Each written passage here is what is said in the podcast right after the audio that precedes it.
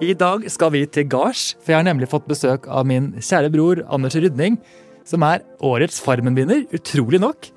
Og for å holde oss til et ekte gardstema, så fordyper vi oss i samme slengen i countrydronning Shania Twains karriere. Så det er jo bare å saddle up og gjøre dere klare for en skikkelig, hva skal man si, country, Farmen, spesial av popsagi. En god blanding, med andre ord.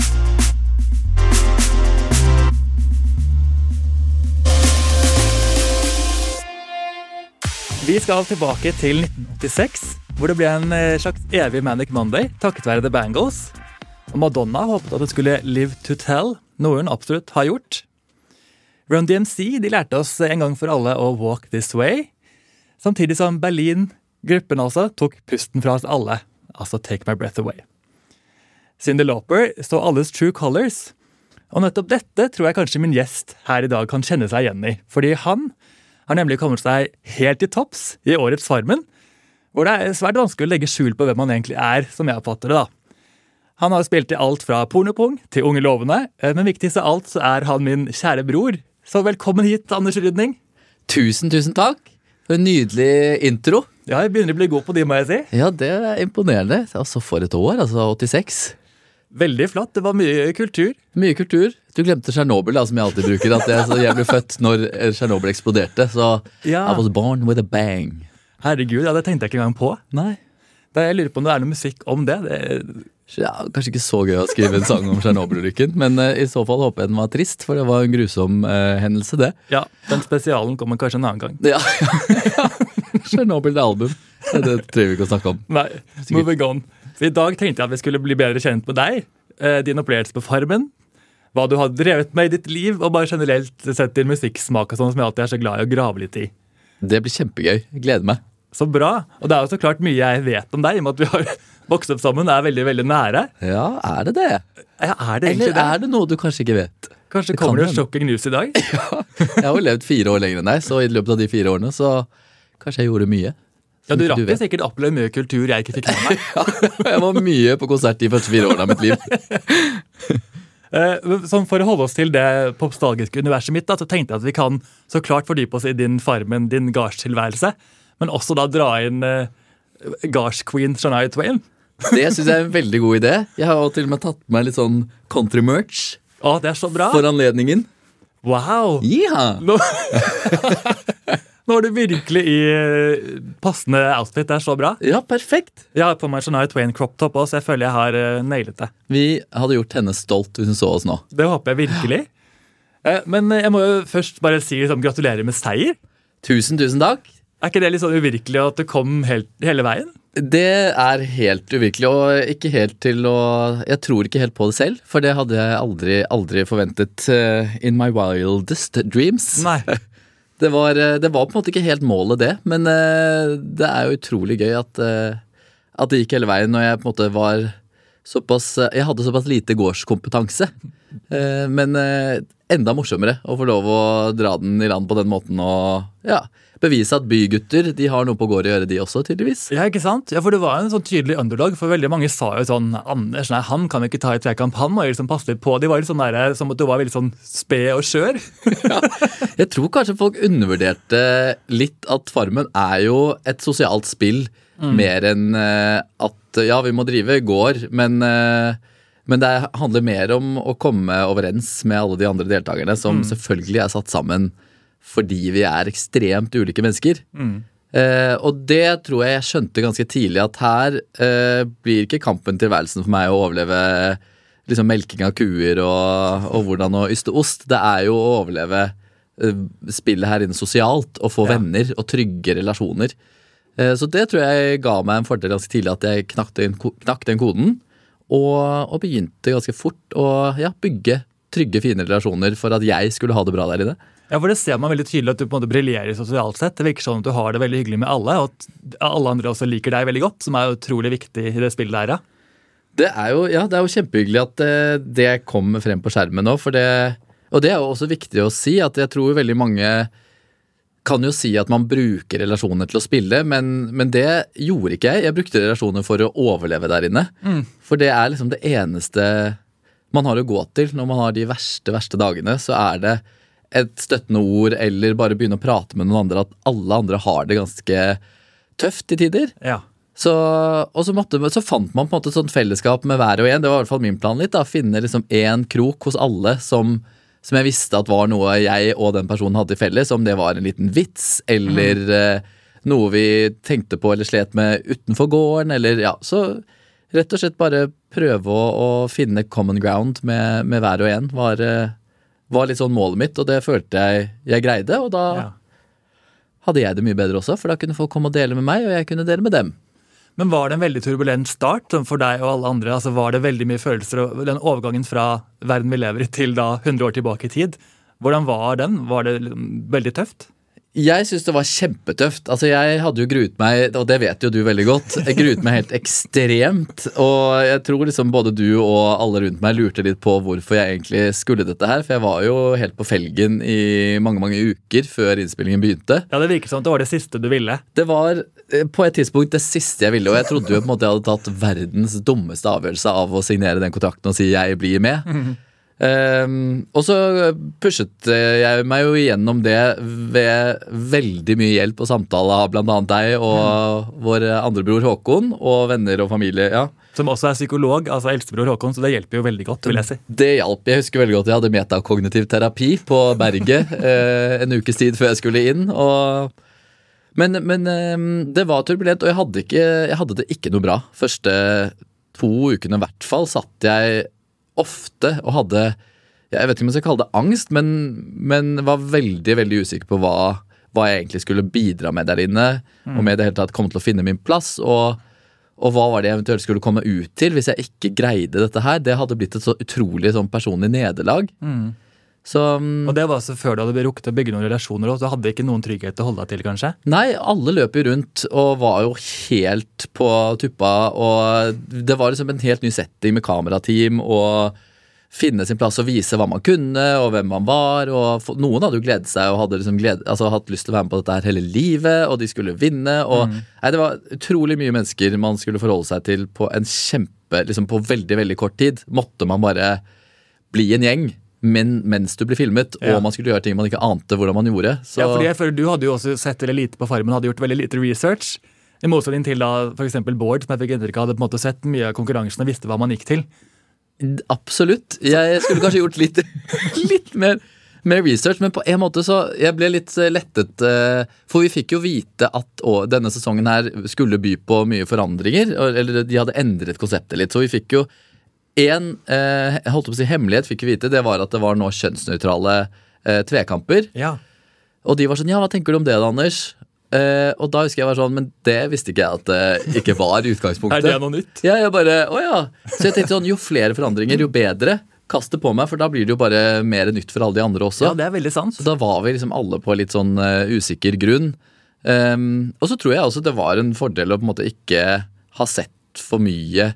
For jeg tror man kan bli litt farget av hva andre har gjort der tidligere, og hvordan personer som, eller hvordan folk blir fremstilt. Mm. Der var jeg helt grønn, så jeg gikk inn og ble, og måtte være, bare meg selv. Ja. Så den tøffeste perioden var i starten, antar jeg? Eller? Definitivt den første perioden. For det, da var det jo så ekstremt mye endring. Så fort du skulle inn på et soverom med 14 andre personer og sove Altså, du hadde jo aldri møtt disse menneskene, og det var jo bare rett på jobb. Vi skulle fikse et gigantisk ukesoppdrag, og alle hadde veldig sånn markeringsbehov veldig fort. Og var livredde for å ikke liksom bli sett på som en nyttig person der inne, for da ble man fort liksom the weakest link. Ja, ikke sant. The weakest link, goodbye. Yes, og det var det ingen som hadde lyst til. Alle Nei. hadde lyst til å stay. Så nei, det var, eh, det var tøffe uker. og jeg- Men da hadde jeg noen veldig fine prater med både produksjonen og eh, de vennskapene som jeg da fort skjønte at jeg måtte etablere. da. Jeg Ja. måtte bare være sårbar og fortelle folk at nå har ikke jeg det så bra.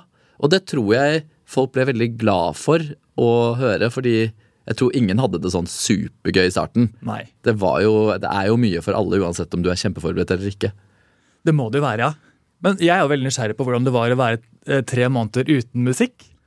Var det noe du kjente på? Det å være tre måneder uten musikk kjente jeg faktisk veldig veldig mye på. Det var så mange øyeblikk eh, hvor jeg satt og tenkte sånn Åh, dette her her burde vi jo satt på en sang, eller Ja. tenk når vi sitter og snakker sammen nå, tenk å bare ha litt hyggelig musikk i bakgrunnen. Og vi, jeg husker jeg tenkte s- liksom savnet så innmari den derre stemningen når man skulle på noe gøy, eller bare er i et visst humør, og kunne sette på en sang og, og, og hjelpe deg til å liksom få i gang, eller stoppe følelser, eller Ja, eh, Det forsterker jo det moduset du er i eller vil inn i. på en måte. Definitivt. Så det var veldig sånn vi, brukte veldig, vi leste veldig mye eventyr, og så gikk jo eh, dessverre veldig mange av oss rundt og nynnet og sang veldig mye, med Mhm. vekslende stemmekvalitet.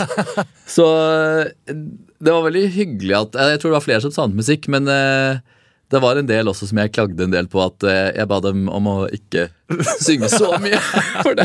de hadde feil sang og ikke verdens beste stemme. eh, Ja, Da hjelper det ikke så mye. Nei. Og Dere hadde jo en sånn kaller man det grammofon oppå det storbondeloftet. Ja, stemmer. Var det noe å velge mellom av vinyler der inne, eller hvordan var musikken av- fra den? Det var eh, et par vinyler der. Det var veldig vanskelig å få den til å spille, for der måtte man jo stille inn riktig tempo. Eh, Å, ja. Man sveivet den opp, og så måtte man finne riktig tempo på platen, sånn at man ikke spilte i liksom superspeed eller sånn Ja. versjon. Men det var jo det var, veldig, det var litt sånn kan-kan-musikk og ja, Det var ymse, ymse låter som lå oppå der. Eh, men det ga jo i hvert fall eh, ja, en liten smakebit på, eh, på musikklivet. Men eh, Noe annen lyd enn Mari Rauting. det var akkurat det. Jeg ble lei av det. Altså, de kuene rautet så mye, men det verste var egentlig den hanen. For jeg begynte jo å høre sanger i ku eh, dyrenes liksom, s- stemmer. Så den hanen, den gol, galte, eh, alltid Den hadde sånn i, i, i. Og da tenkte jeg på How do I live without you? Så jeg gikk og sang på Lian Rhymes How do I live without you i elleve uker. Å, wow, Hun skulle bare visst hvilken ære for henne. Ja, hun skulle bare visst. Og så kom jo en annen inn etterpå. og Han hørte Kesha Timber, så vi sang på de to sangene. Det var de to sangene som vi gikk og sang på hele tiden. Vi kan lage en mashup av de en dag. da. Ja, det synes jeg. Kan hende de passer bra. En liten country-mashup med, med de to. Det slår an i kyllingriket. Kyllingrike. Men du, cirka halvveis ut i programmet så fikk du lov til å ta en telefon. Ja, Der eh, Du var så heldig å få ringe meg. stemmer det. Det var veldig rørende, men jeg må bare si at da var det så rart, for jeg fikk jo streng beskjed om å ikke snakke om aktualitet. Ja. Og jeg hadde jo et tydelig punkt på agendaen, det var Britney Spears har skilt seg. Så var jeg helt sånn, når jeg fikk beskjed om det rett før du ringte, så var det så rart. Jeg visste ikke hva jeg skulle si, så ble jeg veldig sånn ja, Hei, hvordan går det? Har det bra? Ja, det var kjempehyggelig, men Ja. vi kunne ikke si så mye konkret, liksom. Det var kjempebra. Det- Men det husker jeg også merket, og det var veldig mange av de andre som hadde de samtalene, at eh, hva er det man snakker om når man ikke får lov til å snakke om noe av det som skjer i samfunnet? Ja. Og da blir det jo en veldig sånn tom samtale hvor man bare sier sånn 'jeg er glad i deg' og 'savner deg' og 'går det bra'? Eh, så, så det ble jo et, det, det ble mer den der, bare en sånn bekreftelse på at liksom 'jeg er her, dere er der ute', Mm. og tenne liksom et sånt savn. Eh, men det var bare veldig viktig å få en sånn bekreftelse på at ting, ting gikk bra. Og så hadde jo ikke vi fått noen oppdateringer på noe som helst. Nei. Så jeg tror vi liksom glemte litt at livet skjedde der ute. Så for oss så tror jeg det hadde blitt en sånn påminnelse av at vi sitter i en helt sånn s- sinnssyk tilværelse hvis vi hadde fått for mye liksom, aktual, aktualitet liksom, fòret Ja. inn. For da ødelegger man litt den opplevelsen av at man er 100 år tilbake i tid, hvis vi plutselig hadde fått masse nyheter fra 2023. Ja, jeg skjønner jo det, faktisk. Ja, og det var egentlig liksom, det synes jeg var noe av det vanskeligste av og til, var når det ble veldig sånn TV-TV, og vi skulle ha tvekamper, og noen skulle ut og sånn. For da åpnet egentlig liksom døren litt eh, seg til virkeligheten, og da kom savnet. Ja. Og veldig den derre 'jeg vil ut', men jeg vil jo ikke bli, s- liksom, jeg vil jo ikke bli ferdig med det her. Men jeg orker ikke mer. Nei. Og så ser man en av sine beste venner liksom tape og gå ut, og du sitter med sa- ja, Så det ble en sånn veldig sånn Ellers i hverdagen der så var det litt sånn Ja ja, da melket man kuer, og man jobbet og var helt sånn inne i boblen. Men Hadde fulgt opp, på en måte. ja, egentlig. Ja.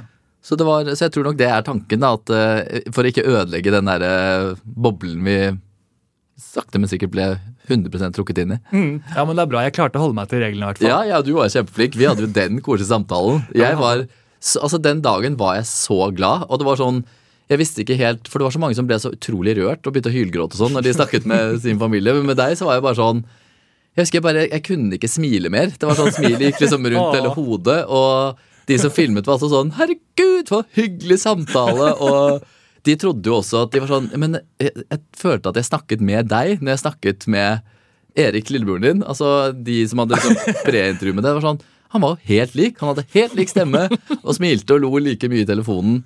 Så, men det var en sånn skikkelig bra motivasjonsboost å bare høre at eh, ting bra, hjem- gikk bra hjemme, og at dere savner meg, var også litt hyggelig å Ja, høre. det da. er godt å høre. Ja. Så er det morsomt for lytterne her nå at de kan også kjenne på dette at vi har ganske like stemmer. Så vi håper det gir en god lytteropplevelse. Ja, ikke sant? At det ikke blir sånn For alle bare skru av! Nei, dere er ikke alene i studio. Snakker veldig mye oppå seg selv og ja. Full ja. det er veldig- forvirring. Ja, litt rart. Men du, hvis du kunne tatt med deg et Shania Twain-album inn på gården, da, hvilket ville du valgt? Åh, Godt spørsmål. Hvilket Shania Twain? Jeg tror Det må bli, altså det første albumet jeg fikk av Shania Twain, var jo Come On Over. Åh, ja. Og der er min evige favoritt That Don't Impress Me Much. Mhm. Eh, men sånn som helhet i album, av antall sanger som jeg har likt, da tror jeg det er Up. Så jeg tror jeg hadde tatt med Up.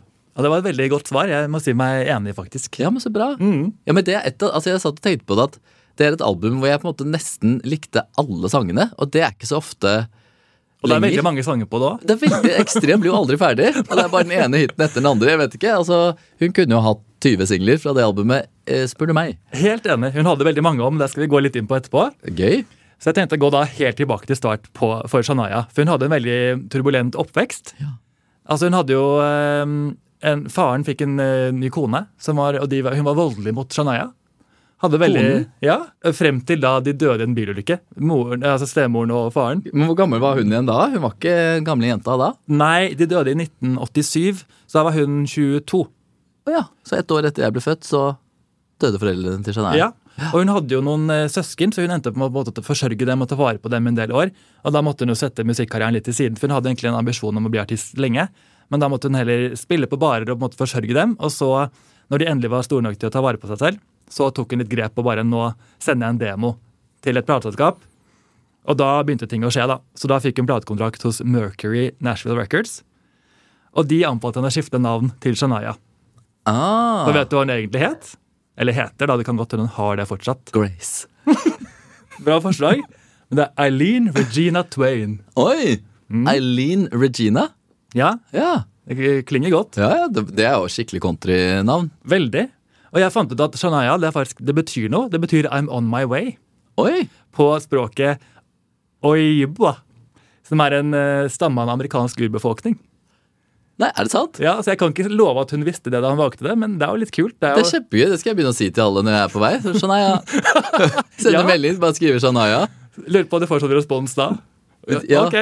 Twain? spørsmålstegn Men det, skal, ja, det er jo et kult ord å begynne å bruke, da. Ja, Jeg bare synes det er litt gøy, eller gøy er det ikke, men det er viktig å ha den grunnen i Shanais karriere. på. Jeg tror det ga henne en sånn drivkraft utenom denne verden. Når hun hadde så tøff oppvekst og hun skulle forsørge sine barn, nei, Ja. f- søsken Ja, i så tidlig alder, så fikk hun sikkert et helt sånn survival-instinkt. og utro- altså Kult at hun da det, det viser jo liksom bare hvor viktig musikken var for henne, tenker jeg. For hun kunne jo sikkert valgt en litt lettere karriere egentlig da.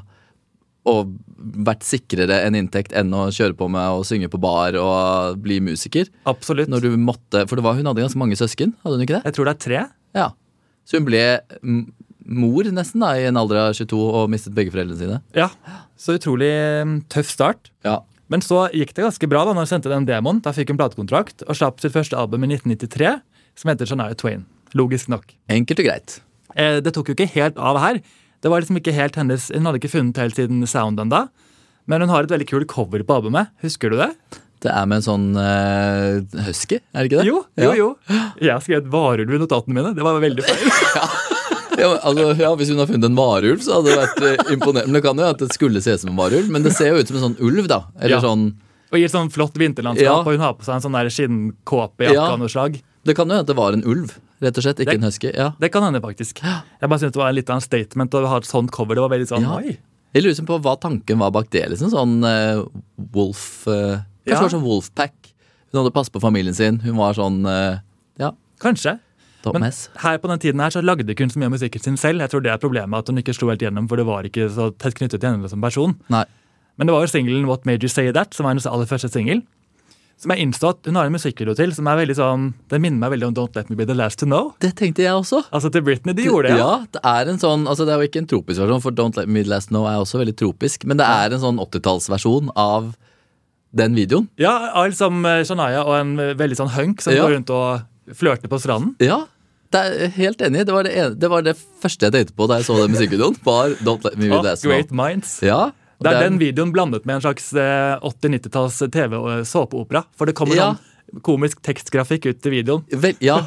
ja, men litt sånn der, når det var sånn der, eh, montasje i Baywatch eller Pacific Blue, hvor de bare sykler sånn med sånn tøff rockemusikk i bakgrunnen, og så er det sånn Ja, det er veldig Det er veldig sant. Ja, Men det var jo en sånn estetikk da, som tydeligvis fungerte på den tiden. ja den fungerte tydeligvis i 2000-tallet også, når Britney Ja. tok den videre. Og der tenkte jeg vi kunne dra inn Britney Connection i dag. ja. Og du vet kanskje hvor jeg vil da? Hvem som har skrevet Don't Let Me Last Know, kanskje? Helt riktig. Ja. Eh. For det er jo Eileen Regina, det. Det er sjølveste Shania. Mm. Så det, ja, det er jo så gøy, og det kan man jo høre sånn. Jeg tror ikke jeg hørte det første gang jeg hørte Don't Let Me Last Know, men man hører jo country-koringen Det er den twangen i, den, vil jeg si. ja, Og veldig i akkordene i koringen og sånn er jo veldig sånn Mm. country-Shania-preget. Veldig. Og jeg hørte en podkast nylig hvor eh, produsenten eh, til Britney snakket om dette her. Altså en, eller en av hennes manager i hvert fall.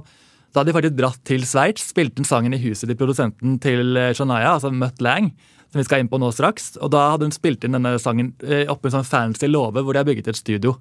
Oi! Så det er litt gøy å tenke på at Britney var i Sveits da, oppe i sånn der hestelåve, for de hadde sånn hestefarm, og det er bare så rar Oss. verden å tenke på. Men jeg lurer på om hun, om hun møtte dem da, ja, når hun eh, Ikke Shania. Nei. Hun har, kan godt hende hun har møtt henne siden, men hun var Ja. ikke der da. Da var det bare Mutt Lang der. Ja, og Britney. Ja. Ja. for Shania har skrevet teksten, og Mutt Lang har produsert. Ja, og det er sånn Og det samarbeidet der fungerer som Ja. regel. da. Fordi det er på en måte det neste store steget. altså Album nummer én, da, var det ikke, da skrek Shania så mye selv, men så møtte hun da Mutt Lang, en veldig anerkjent produsent, som hadde hørt hennes debutalbum og tilbød da å være med å lage låter til det neste albumet. Ja, perfekt. Og lite visste vi om at dette skulle være en whirlwind romance, for de møttes i juni, og i desember så giftet de seg. Det gikk så fort, ja. Ja, Ja, ja, men de er virkelig sånn fant eh, Hva heter det? Sånn eh, tonen. Fant tonen? ja, det var det jeg lette etter. Det er nesten som om du skulle gått inn på Farmen Sting eller kommet ut som gift. Ja, ikke sant? Så kort tid. Det hadde vært sykt gøy hvis det var et Farmen-bryllup. Ja, altså Who knows? Who knows? Ja, Jeg følte at for din del ville det kanskje vært gardsgrisen du ville gifte Ga- deg med. ja Stine hadde nok blitt eh, Men det- nei, det var ikke så mange som jeg falt for der inne. Men eh, jeg får jo begynne å skrape i andre sesonger, da. Se om det er noen jeg kan finne der. Ja. For å få denne Er Farmen-romansen det sånn på sånne hjul. gule sider med Farmen-deltakere? Men det er jo en sånn egen community nå ikke sant, som jeg føler jeg får lov å ta del, eh, ta del i. Ja. ja, der må du få en hedersplass, vil jeg si. det tenker jeg også. Ja. Det burde jo være sånn allstar-season. Du- ja, Men jeg gud. er litt redd for at jeg ikke stiller så sterkt der heller. Men eh, vi får se. Ja, for Sosial- nå har du på en måte røpet trykket til sosial eh, Ja. kompetanse. Ikke sant? Men, eh, nei, men det hadde vært gøy. Det hadde vært veldig gøy. Ja. Eh, Men det som er gøy da med Shania, er at når de først begynner å samarbeide, så begynner ting virkelig å fly. For da er egentlig all musikken siden de er laget av Shania og Mutt Lang sammen, veldig sånn bare de to, og det er ganske uvanlig i pop-country-verden. Det er alltid egentlig veldig mange involvert. Eh, Vi får album The Woman In Me i 1995, og der begynner det å ta av. Der kommer jo singelen Any Man of Mine, ehm, Whose Bed Have These Bo- Boots Been Under? Det var vanskelig å si. Eh, Bruce Bern has his boots, Bill Bond. Ja, det er den, ja. Akkurat den. Den er veldig kjekk og grei, men også veldig catchy. Ja. Og her er det jo ur-country, på en måte. ja, ja. Føler jeg. Erkecountry. Erke-country. Eh, det ble kjempepopulært, eh, og det mm, solgte faktisk over 20 millioner allerede da. Oi! Ja, Så det tok virkelig av. Det, ja, det var jo bare sånn boom. Men var det med den eh, første singelen som Første slo så an? Eller var det Whose Bed Has This, These Boots? Det var de to som var de store Ja. hitsene. Jeg tror Any Man of Mine var den største. Jeg er ikke helt sikker. Ja, Men eh, albumet i sin helhet var i hvert fall giga, for da var det jo veldig sånn albumperiode fortsatt. ja. Så den eh, tok en til nye høyder, og så gikk det faktisk hun, ja, hun vant til og med sin første Grammy på dette albumet. Wow! Så det var Altså. en eh, kickstart, kan man si. Ja, det får man absolutt si. Men det var jo som sagt veldig i countryland, da. Ja, Fortsatt. Så, ja. så det var jo ikke så stort i Norge, tror Nei. jeg. Vi hadde ikke det hjemme hos oss, i hvert fall. Nei, det kan, ja, altså jeg husker jo sangene, de to singlene, men det albumet har jeg på en måte ikke gjennomlyttet eh, så mye fra jeg var liten, i hvert fall. Men det er også sikkert litt pga. alder, at eh, det var jo litt sånn crossover into pop, at eh, verden og kanskje liksom listepopen oppdaget Shania Twain. Ja, det er nok sant. Ja. Jeg må eh, shout-out holdt jeg på å si, en sang til på det albumet som heter No One Needs To Know, som også var en singel. ja. Den er veldig fin. Hun sitter på trammen og spiller i ekte countrystil. Det er Litt sånn Hanne Montana-vibes, følte jeg. Å, så hyggelig. Ja, men den- den, skal, jeg- den skal jeg høre på. Men det albumet må jeg, på, må jeg høre mer på også, fordi eh, det kan jeg tenke meg er en eh, skattkiste. Ja, Det hadde vært gøy hvis det fantes i sånn red, green and blue-version, som hun gjør senere. At det var en popversjon også. Ja. Det hadde nok vært bedre for oss. Det, ja, bare liksom dra ned bitte litt. Men selv om jeg, jeg- altså jeg er veldig glad i countrymusikk, og jeg syns jo det er ofte veldig, det er veldig fine melodier i countrymusikk. Og så er det jo ofte sånn, det syns jeg er gøy også når man hører på det, er at sangene de, de lager liksom sanger om sånn mega hverdagsting. Det er sånn Honey, where's my keys and I have a banana in my hand. Altså, Ja, det er det de synger. ja. det er bare sånn derre Ja, jeg kom for sent til jobb, og jeg er sliten, og Det er ikke sånn masse altså, Jeg skal ikke si det om alt, da, men Nei, jeg det er jo føler det eller sånne kjempetragedier som er Ja. sånn super, supertriste. ikke sant? Men det er ikke så masse metaforer, sånn super sånn der, kunstnerisk, hvor man er sånn Hva synger de egentlig om? Nei. Det er veldig sånn spot on, liksom Dette er livet, og det synger vi om. ikke sant? Nå skal jeg skifte dekk, vi lager en sang om det. Mm, helt enig.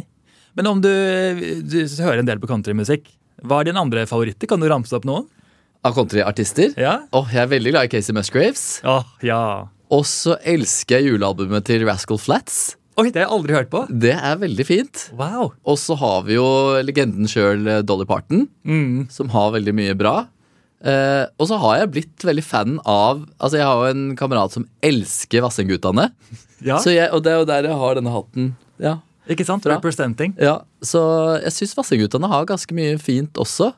Eh, og jeg, men jeg liker veldig godt den derre kombinasjonen pop-country. Mm. Den, den, den er fin. Dixie Chicks er også veldig flinke. Ja, Det er mange. Det er kjempemange. Faith Hill og og det er mange som mener at Shania var den som første som på en måte lagde den veien å gå, da. Forente popcountry på den måten. Ja. Og ble på en måte et forbilde for veldig mange. altså Carrie Underwood, Taylor Swift, Ikke sant? gjorde det mulig, på en måte. da. Så hun har inspirert veldig mange etter seg. Og så fikk vi da albumet Come On Over i 1997, altså to år senere. Eh, det var her jeg virkelig fikk øynene opp for henne, for jeg tror du fikk det albumet.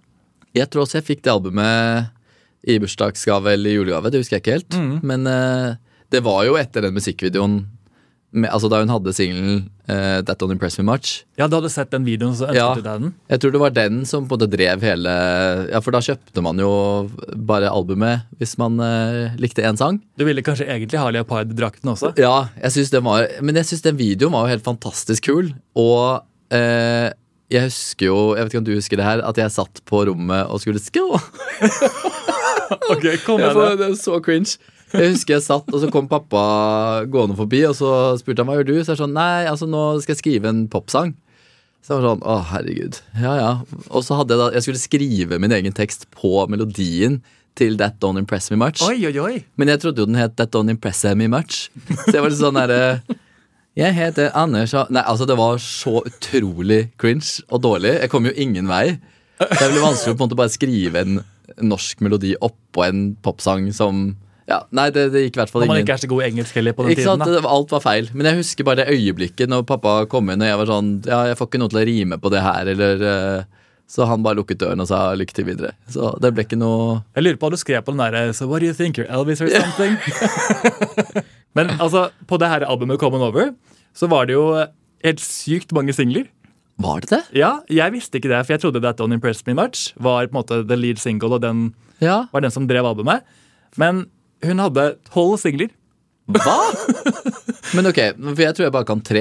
Ja, for jeg tenkte å quize deg, og jeg kan si at That Don't Impress Me Much er nummer syv. Altså, dette er mind-blowing. Ja, Men ble alle disse her gitt ut i Europa, eller var det sånn USA-singler og Det er noen som er sånn et par europasingler, eh, og så er det en som er soundtrack. Ja, så det er litt sånn sneaky lu her. Litt sneaky, men fortsatt, da. Ja, Det er ja, ja, jo- herregud. Det er, that does impress me much. Wow! Hvor mange vil prøve å ramse opp de du husker, da?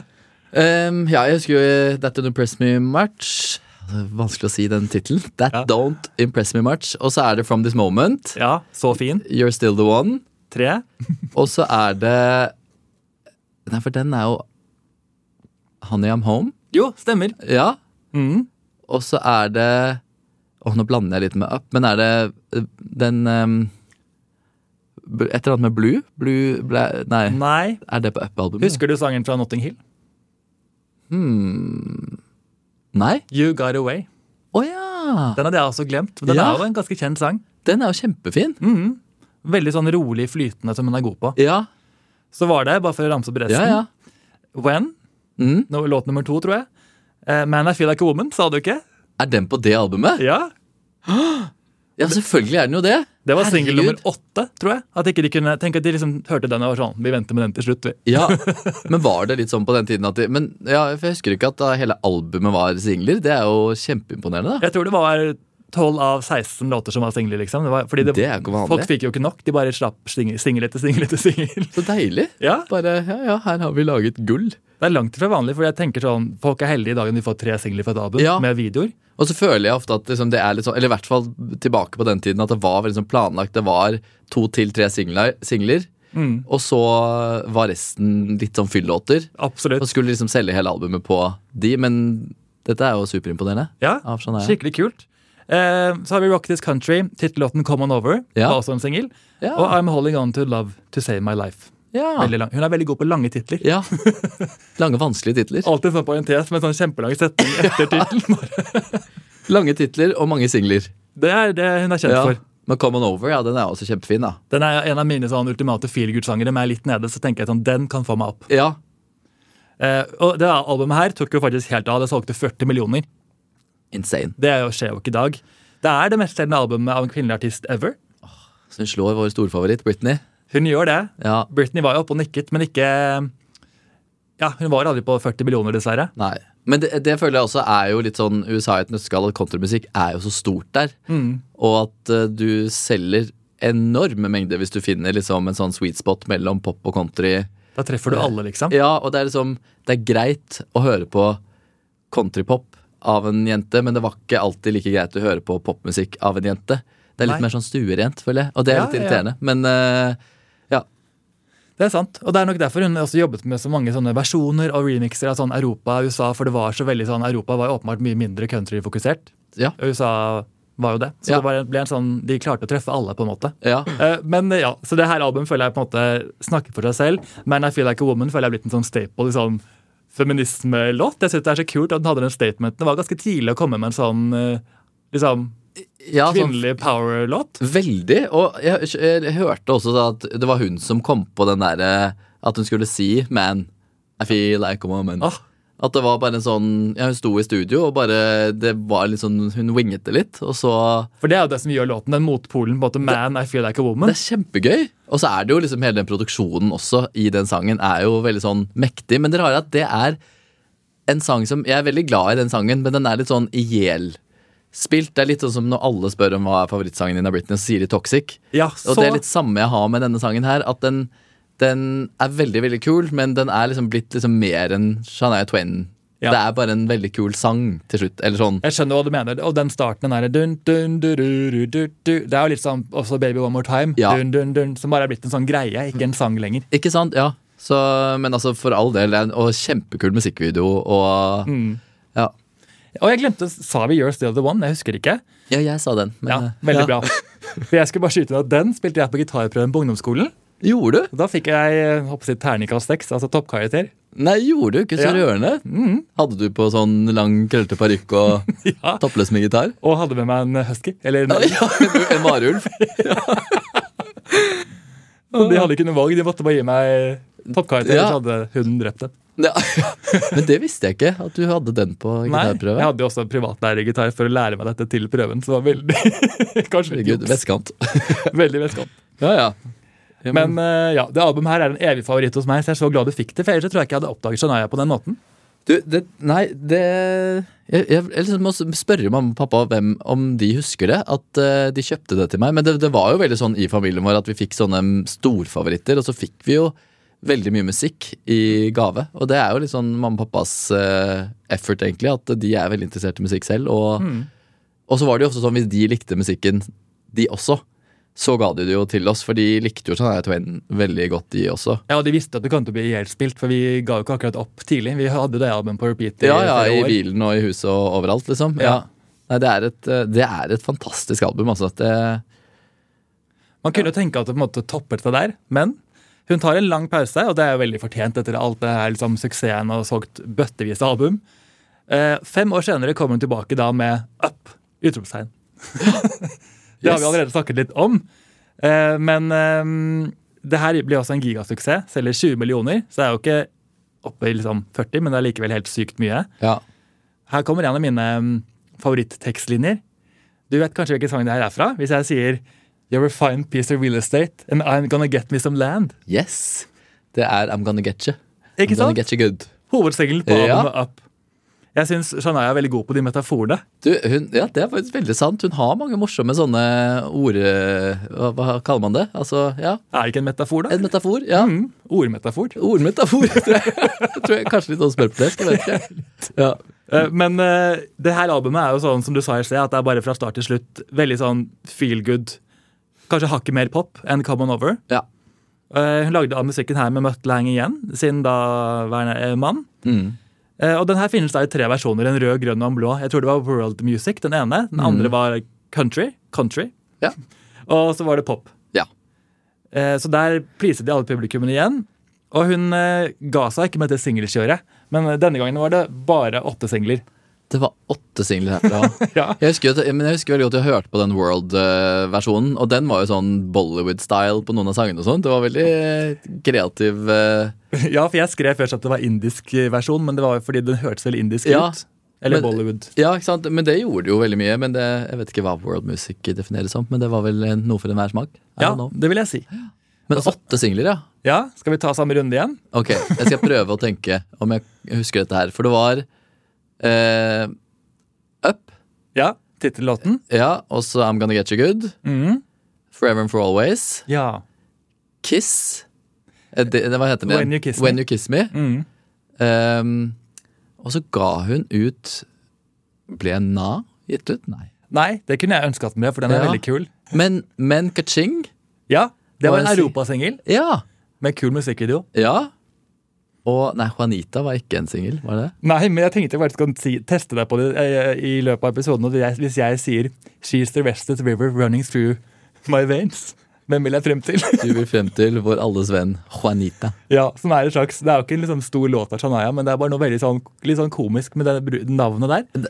Men det er en sånn sang, for det tenkte jeg på når jeg satt på trikken nedover her, at eh, det er veldig mange av de sangene som jeg ikke likte så godt da jeg var mindre på det albumet, som jeg nå syns er veldig fine. Ja, Og det er blant annet Juanita, som jeg Ikke nå liker veldig, veldig godt. og Den er også en veldig sånn eh, female empowerment. Ja. Det er om at alle kvinner liksom har det i seg. Denne Å ja. sterke personen, tror jeg, da. ja. If you can find her and free her, Juanita will unchain your heart. Oi, ellers er det en sånn femtetall som Ja, kanskje det. I don't know. Don't hold me to it. Nei. Janita. Men eh, resten av singelen var Thank You Baby. Ja. Thank, som hun sier i sangen. Thank! Hun sier det på en veldig sånn egen måte. Ja. Ja. Eh, she's not just a pretty face. Var det en singel, da? Ja. Og den Men med hørte- musikkvideo, eller? Ja, det tror jeg. Ja. Og den, eh, den hørte jeg på og tenkte sånn, den her er perfekt budskap for Barbie-filmen. For det er sånn der eh, She's a waiter, she's an astro astronaut. Astronaut. Astronaut. At hun, en, hun er alt da, rett og slett. Ja, Ikke bare pen. ikke sant? Ja, men du, det er jo, Hun har jo mange fine hva skal man si, beskjeder i sangene sine. Mm, budskap. Mm, budskap heter det. Mm, Eh, og så rundt hun av singelkjøret med It Only Hurts When I'm Breathing. ja. Som jeg Den er ikke visste var singel heller, men den er også veldig sånn fin og eh, beroligende avslutning, vil jeg si. fin. Ja.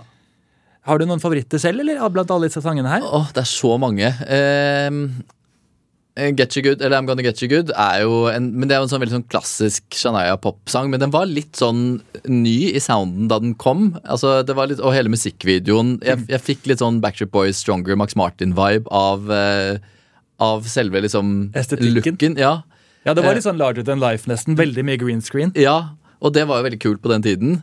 Eh, men, og, men jeg husker umiddelbart så likte jeg Na. Det var favoritten. Og så liker jeg utrolig godt eh, Forever and For Always og When You Kiss Me. De to balladene der. Mm. Ja, De føler jeg henger litt sammen, på en måte.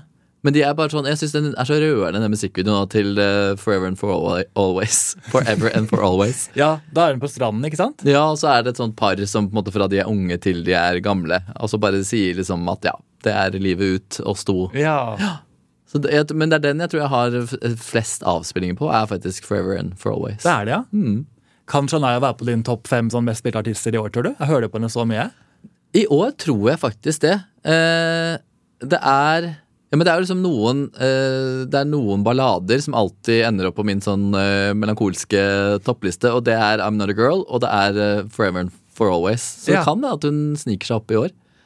Det, ja, Ja, det blir jeg har hørt spennende å veldig mye- se. Ja. Jeg skal gjøre en eh, hederlig innsats nå frem til eh, Wrapped. Ja, Det er bra. Jeg tror jeg også får henne ganske høyt på min. etter alt det. Jeg hører ekstremt mye på henne før man lager sånne her episode også. Ja, ja men det skjønner jeg. Ja. Og så, er det- så har jeg hørt veldig mye på I'm Gonna Get You Good sånn før jeg skal ut på byen. og sånn For den er veldig Å, ja. tydelig sånn der eh, Jeg skal ut på byen og finne I'm gonna get you good! I'm gonna find Rett myself på a piece of real Heidis, eller? estate. Ja. Sånn Kåt countryjente på vei ut på byen. Livsfarlig. Det er det du så på din Tinder, er det ikke det? Kåt countryjente. Jiha! Alle er sånn Å, gud, styr unna. Bildet i den hatten Der også. kommer jeg. Ja. Der er formen hans. Han er helt ute og kjører.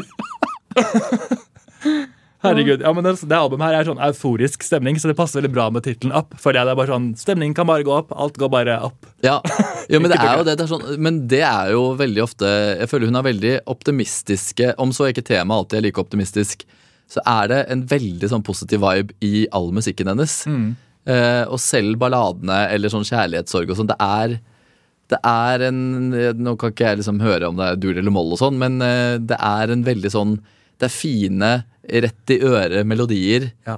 eh, som, som man blir jo på en måte glad av Mer enn at man graver seg helt ned Mm, helt enig. Så tenkte jeg vi kunne da forlate dette her gledesalbumet eh, og gå inn i på en måte det som blir en slags Shania-tørke på ganske lang tid. Det kommer et Greatest Hits i 2004. Ja Eh, da får vi Party for Two. Også veldig kul låt. Elsker den.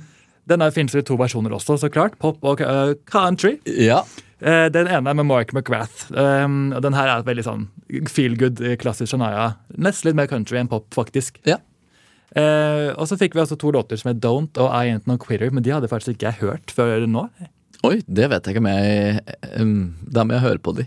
Ja. Jeg husker ikke. For vi kjøpte jo ikke Greater City-albumet i og- i og med at vi hadde albumene. Ja. Husker jeg i hvert fall. Men jeg husker det var vanskelig å finne, for den derre Party for two, den eh, Ja, den ble jo kanskje ikke noe sånn kjempehit. Det er det mente det var Egentlig. vanskelig å finne den fine versjonen. Ja, den Mm. popversjonen. Den fins på Spotify nå. Det Den gjør fins det. masse varianter med intro og sånn, for de driver og sier sånn her eh, ringer Ja, hverandre. ja, i starten. de, ja. Ja, come on over. Ja. Ja, Men sangen i hvert fall ble jo på en måte sånn medium hit, så jeg føler det Ja. var litt sånn last hurra for henne før en- et nytt kapittel på en måte Ja. startet eller sluttet, hva enn man sier. ja. Og da vil jeg egentlig inn på, fordi nå er vi i 2004, da har hun vært gift med sin mann i 11 år, tror jeg, hvis jeg regner riktig. Ja. Så må vi inn på dette kjærlighetslivet til Shania, fordi nå blir det veldig kronglete, rett og slett. ja. Eh, for hun har en veldig fascinerende sånn kjærlighetshistorie. Du vet det, ikke sant? Jeg har fått med meg denne her. Altså, det, er, eh, det er som at det hadde vært eh, skrevet inn i Hotell Cæsar, men Ja. eh, så er det virkelig liv. Vir ja, helt enig. For hun giftet seg jo da med Mutt Lang. De jobbet sammen i mange, mange år. Helt til han, eller så flyttet de sammen til Sveits. Shania ansetter en assistent som heter Ma- Mary Ann. Og ikke Marianna, som er Mari middestrek Anne. Å ja. Bare så man Så er tydelig. Altså, countryversjonen av Marianne. Ja, Mary Ann. kan ikke misforstås. Nei. Eh, de blir veldig gode venner, og da mannen til Mary Ann blir også liksom med i klikken. For Ja. de er mye sammen. Og så eh, skjer jo da det syke at plutselig sier Mutt i 2008 at han vil skilles. Shania skjønner ingenting. Hun ringer Mary Ann og sier er ikke dette veldig rart? Hvor kommer dette fra? Og Mary Ann sier nei, syns ikke det er så rart. Det var akkurat det hun sa, var det ikke det? Skjønner jeg. Vet du hva, jeg syns ikke det er så veldig rart. Eh, ja, men det, det var en quote, direkte det quote, og det sant? sto I don't think it's that strange. His behavior. His behavior. oi! Så det er, jeg tror, det er så klart en eh, minimert versjon av samtalen. Men det er veldig rart som en venninne å si nei, jeg syns ikke det er så rart. Veldig. Så da tenker jeg at Shania begynte vel å ane litt ugler i mosen. Og så eh, oppdaget da Mary Anns mann, Fredrik, at Shanias mann og Mary Ann hadde en affære. Det er så sykt. Ja, Det er så eh, Han vilt. ba dem fortelle det til Shania, det gjorde de ikke. Eh, Nei. Shania ringte for å konfrontere Mary Ann, og hun løy igjen. Og så byttet Shan- Mary Ann nummer, så ikke Shania kunne ringe henne mer. Altså, det er jo til Cæsar. Sunset Ja. Beach, eh, These Are The Days Of Our Lives eh, storyline, dette her. Virkelig. Og så ble jeg litt imponert, fordi jeg så at Shania da hun kunne ikke ringe henne, så hun sendte en mail til Mary Ann og skrev If you could see me crying and suffering, maybe you would have pity. Find love somewhere else from someone else that isn't hurting two families so much. Det var så fint skrevet. Det høres ut som en ny sang. Ja. Og så liksom så stort. Jeg tror Ja. jeg hadde vært rasende og klikket på alle mulige Ja. måter. Fy Så, fader. Ja, Shania er et stort menneske, tydeligvis. Altså. ja. Hva ville du gjort i en sånn situasjon? Altså, altså, jeg hadde jo sikkert fått helt sjokk, men eh, men for et svik, liksom både av Jeg vet ikke hvem jeg hadde vært mest skuffet over. Mannen min eller eh, Marianne, holdt jeg på å si. Sånn nei.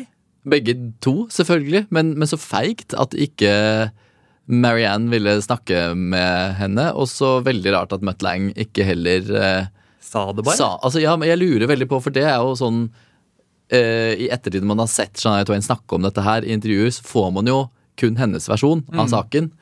Eh, og jeg så jo at noen sa sånn der Ja, du kan jo prøve å reise opp og få en side ut av Mutlang, men det vil du aldri få. Så jeg lurer på, kommer han noen gang til å fortelle den, si- hans side av historien? For at hva- Han er eh, evig m- møtt. Mutt! Ja. Han kunne ikke snakke. ja Kunne bare lage kule beats. Ja, ikke sant? Nei, Nei, det, det er- er, det er et godt poeng at det er bare hennes historie, men eh, det høres jo ut som at hun har eh, holdt på å si, retten på sin side. Ja, jo, ja, altså Det høres jo veldig sånn ut. Og hun, det virker som hun ble sveket på det verste her, altså. Ja, Så det her var en kjempestor belastning på henne, naturligvis. Eh, Og kort tid etter så ble hun diagnostisert med det som heter dysfoni. Oi, Det Vet du hva det er for noe? Dysfoni? Nei. Det er jo ikke sangfoni, som du er med i på TV på NRK. Nei, jeg tenkte sånn f- foni ja, nei. Men det er da at eh, det er stemmevansker, egentlig. ah, At på en måte, musklene i stemmeboksen, som det står på engelsk, eh, på en måte, presser for mye. eh, Så du ikke klarer å bruke stemmen på riktig måte. og det var, men det var ikke basert på Ja, det Jo. var det. Det var eh, trigget av Lyme disease, som man da får av et flott bitt. Ikke sant? Det er kjempe, kjempeuvanlig å få det da av eh, Lyme disease, men hun fikk det. Ja. Og det kan da bli forsterket av stress, som hun åpenbart var under. da. ja. Så det er jo mye av grunnen til at hun eh, bare får feltet ut av musikkverdenen. og Man har ikke hørt så mye fra henne på ganske lenge. ja. Jeg tror hun brukte mye tid på å få selvtilliten tilbake til å synge og både trene den opp igjen, for hun kan bli veldig sånn raspy og hes, noe Mm. Ja. hun har den dag i dag, vil jeg si. Ja, ja, ja. Den er jo, det er jo en helt annen sound på stemmen hennes nå. Hun, man hø- og det, det er jo litt sånn gøy å se at hun, hun s- må jo bruke instrumentet sitt på en helt annen måte enn det hun tydeligvis kunne før. da. Altså, Ja. Og jeg så på en liveopptreden fra en av de siste turneene hennes nå rett før jeg kom hit, og da gikk jeg rett fra musikkvideoen til Thank You Baby til liveopptreden, og da la jeg merke til at jeg har lagt den veldig mye ned. ja. Men Det er veldig naturlig for artister, da. Ja. Men det er jo ikke så rart. Hun må liksom tilpasse den nye stemmen hun har. da, på en måte. ja. Det er sånn alle legger ned utenom Dolly Parton, som jeg bare synger, føler synger lysere og lysere og lysere. Eller mer sånn p- pipete. Ja, jeg Men, skjønner eh, hva du mener. Men ja, stakkars. Herregud, det, er jo, det var mye på en gang. Og så liksom fra den starten og med familie og foreldre som går bort, og så går hun på den smellen. Ja, Det er jo, men det er, jo sånn, det er jo komisk i og med at vi har snakket om at countrymusikk er så veldig sånn hverdagslig, og det er hjertesmerte, eller at hun får mye materiale her til å skrive låter, da. Det gjør hun virkelig. Og tenk at hun da likevel klarer å gjøre det ganske optimistisk. Det er jo utrolig. Det er, kjem- ja, ja, det er altså et sterkt menneske. Ja. Men eh, liksom, eh, siste på en måte, twist i denne historien her er jo at hun heldigvis fant trøst i da Frederick, som var mannen til Marianne. Så de gjorde et eh, couple swap, rett og slett. Rett og slett. Det trodde jeg aldri skjedde i virkeligheten. Nei, altså det, altså det må jeg, jeg føler jo sånn derre at de de må ha funnet så mye trøst i hverandre. Og så på en eller annen måte, De kjente jo hverandre eh, obviously veldig godt. Men at, eh, at det sviket og den sorgen de gikk, sammen, gikk gjennom sammen, førte dem sammen også. Det er jo det er jo på en måte noe veldig veldig fint oppi denne tragedien. Ja, det er akkurat det. De hadde jo så klart en helt delt opplevelse og var jo på en måte de eneste som kunne kjenne seg igjen i hverandres svik. Så det er sikkert noe som forente dem veldig, da. Ja.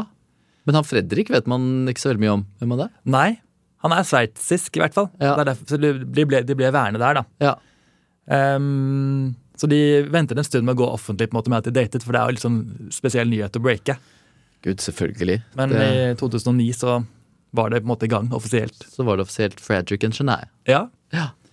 Eh, og så, som jeg sa, var det ganske stille fra henne, men i 2011 så var hun tilbake sånn litt med en serie på Oprahs kanal Own, ja. hvor hun på en måte dokumenterte sin vei tilbake. da. Stemmer det. Og Viste liksom prosessen med å ja, komme litt back on track og lære å bruke stemmen, og slapp også en sang som het Today is your day. ja.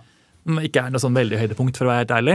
Nei, men det er sånn som Shania Twain-fan, så tenker man Det, er jo så- det syns jeg er så viktig at liksom når man har fulgt og f- Eller hvis man er en sånn fan som følger en artist, og, og får med seg det, liksom ups and downs At det er bare fint at de jobber De er jo musikere, og at de skal få lov å gi ut sanger som på en måte for dem personlig er viktig å bare gi ut. Om det, Jeg tror ikke hun tenkte at nå skal jeg toppe alle charts og selge 40 millioner. Nei. Men at det bare var en sånn eh, ja, en selvtillitsprøve for henne å bare gi ut et lite sånn drypp av at eh, jeg er her fortsatt. Tenk at hun ikke har sluppet albumet Down! utropstegn. Ja, Hun har nok materiale til å gjøre det. Ja, det faktisk burde hun ha. Ja. Jeg vet ikke om jeg hadde orket å høre på det. Nei, men det kunne vært sånn igjen Shania Twain-stil, da hvor hun synger om triste ting, men med en superpositiv eh, produksjon i bakgrunnen. Ja, faktisk. Det hadde Ja. vært litt kult. Eh, Men eh, ja, den singelen her kom jo på en måte var det den var, mer som en sånn statement. Og så eh, Etter dette har hun laget ganske mye musikk. Hun brukte noen år på å komme seg back on track, men nå de siste årene føler jeg at hun har virkelig funnet tilbake til sin sånn popstjerne-spark. Veldig. Både liksom vokalmessig og hvordan hun ser ut og er en- energisk på scenen. Det er så gøy å se. Det er kjempegøy. Også alle de, det er også kult med alle disse medley... Altså når, når hun først liksom, Det så ut som hun turte å gå tilbake i rampelyset, så har hun liksom gått med en sånn helt ny selvtillit og en sånn livserfaring, så det bare liksom oser Ja. at hun vil så innmari gjøre dette her. For altså, hun, er, hun turnerte jo og var jo helt enorm på et tidspunkt, så er det en ting man vet at hun kan, så er det jo dette livet her. Og så er det litt sånn fascinerende også at hun som eh, Når man ser på veldig mange andre artister, da, som liksom buckle eh, under pressure, eller hva det heter altså de, det, det blir for mye. Så har hun på en måte vært gjennom så mye, og nå bare dundrer hun på igjen. Ja. Eh, med rosa parykker og eh, features med kjempeaktuelle artister. er så- Samtidig som liksom den ga- katalogen hennes er like aktuell, og man hører på den musikken. Det Det er er, ganske unikt. det er kjempekult. Eh, Så er det så deilig å se en artist som åpenbart elsker det hun gjør. da. Altså Hun Ja. elsker å lage musikk, hun skriver jo alt selv fortsatt med andre folk. da. Ja. Og bare elsker det hun driver med. Det er så tilfredsstillende å se, for det er så mange artister jeg føler kanskje etter hvert ikke syns det er så gøy å gjøre det med fordi det er jobben deres, fordi det er penger i det, som jeg forstår så klart. Ja. Men hun føler jeg bare gjør det fordi hun elsker det. Ja, jeg får litt sånn Kylie Minogue eh, samme s- liksom, eh, vibe. At jeg føler de to jobber veldig likt. At de bare elsker å stå på scenen og Ja, bare gir seg aldri. En sånn ren musikklede. Ja, Det er Og bare har skikkelig, lyst til å skikkelig. spre positivitet og optimisme. Ja, Det elsker jeg, rett og slett. Ja, Eh, Men du, nå føler jeg at vi nærmer oss egentlig slutten. Vi har kommet til Shanayas siste kapittel, som er Queen of Me. Det albumet tenkte jeg ikke gå sånn veldig inn på, men eh, det har jo, hun har jo vært igjennom veldig mye. ja. Det har du også, Anders. De siste elleve ukene har jeg vært gjennom mye. Ja. Ja. Når du ser tilbake på Farmen nå, hva vil du si var den tøffeste hendelsen eller opplevelsen din? Var det liksom noe som tæret sånn spesielt på deg? Sånn var det Åh, det tøffeste eh, Altså, jeg syns jo det tøffeste var jo egentlig når jeg så eh, Altså, jeg var jo ganske Eller jeg holdt meg ganske konflikt eh, unna konflikter der inne.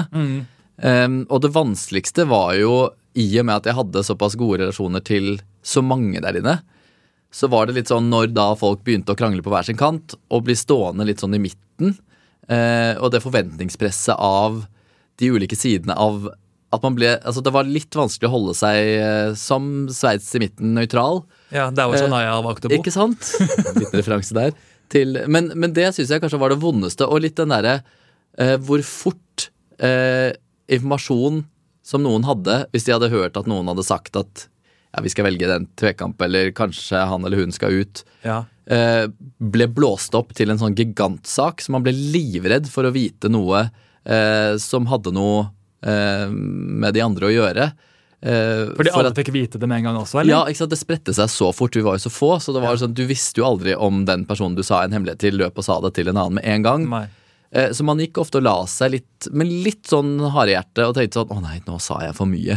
Nå kommer det til å bli dårlig stemning i morgen. Eh, Så det, var- det syns jeg var det vanskeligste sånn mentalt sett, å, å balansere den derre konkurranse-vennskaps-relasjonen eh, ja, relasjonen som, som er der inne. Um, og så var det ekstremt tunge dager når vi ikke hadde så veldig mye mat. Og liksom å orke å bare si at ok, én dag til. For man gikk så innmari i kjelleren når man gikk i kjelleren, og så var man så innmari glad når man var glad. Ja. Men det svingte liksom tre-fire ganger i løpet av en dag. Så kunne du sitte og gråte på berget og ikke orke noen ting. Og så fikk du deg et eple og en potet, og så var du i godt humør igjen og hadde litt energi. Um, men bare det å liksom greie å ta én dag av gangen, én uke av gangen um, det, det psykiske der, det, det var nok det aller, aller tøffeste um, å, å greie på en måte å, å tenke at eh, det går bra. Bare Ja. Men turte du noen gang å tenke 'nå kan jeg vinne'? Jeg, jeg holder på å vinne, liksom. Det her går bra. Ikk- jeg tenkte ikke at jeg kom til å vinne før s- nesten siste spørsmål i finalen.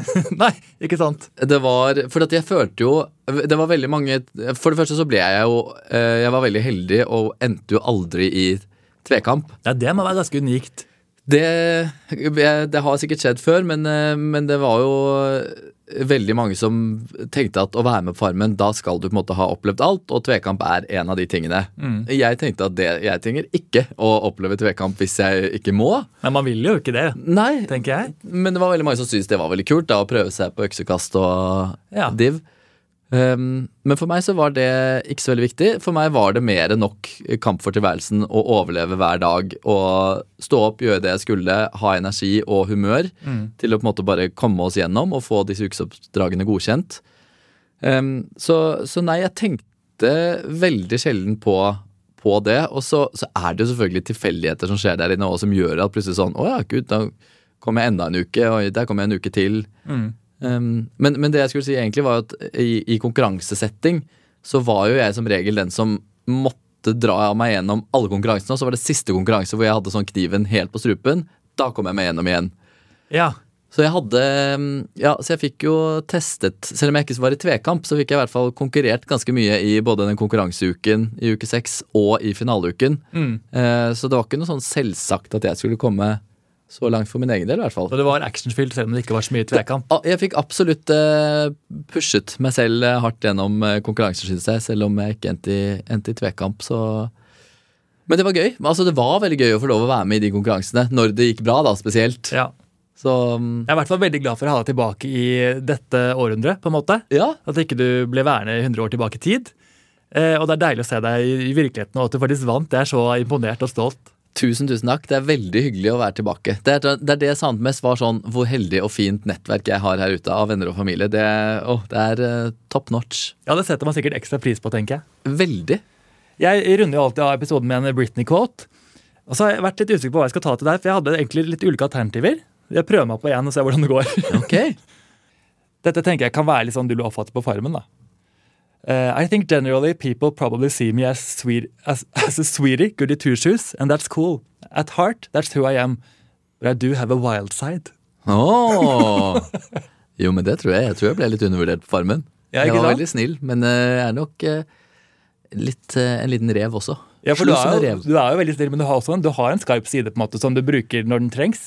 Definitivt. Og det syns jeg er litt gøy, for det er jo mange som sier at liksom, konfliktsky er lik feig, men det syns ikke jeg. Altså, jeg tror det heller handler om eh, kløkt og å velge sine kamper. Som jeg også tenker at vi skal alle kan tenke litt på i hverdagen òg. At det er sånn det er, det er visse diskusjoner man bare må heve seg over, og så ja. Ja, det tror jeg er veldig smart. Dette er bare fra 2003, så det er en eh, god gammel quote, men jeg synes den holder. Ja, altså klok, kloke Britney. Men du, nå skal du få lov til å nyte din seier videre, og jeg må bare takke for besøket. Tusen takk for meg. Jeg har kost meg så mye. Så bra, vi får gå og ta på oss cowboybootsene og høre på Shania. Yeehaw! Så hyggelig at du er kommet helt til slutten av episoden. Takk for at du hørte på igjen, og jeg er så glad for om du vil dele episoden med en god venn, eller bare gi meg en toppstjerners rating. Det setter jeg veldig, veldig pris på. Så høres vi igjen neste uke.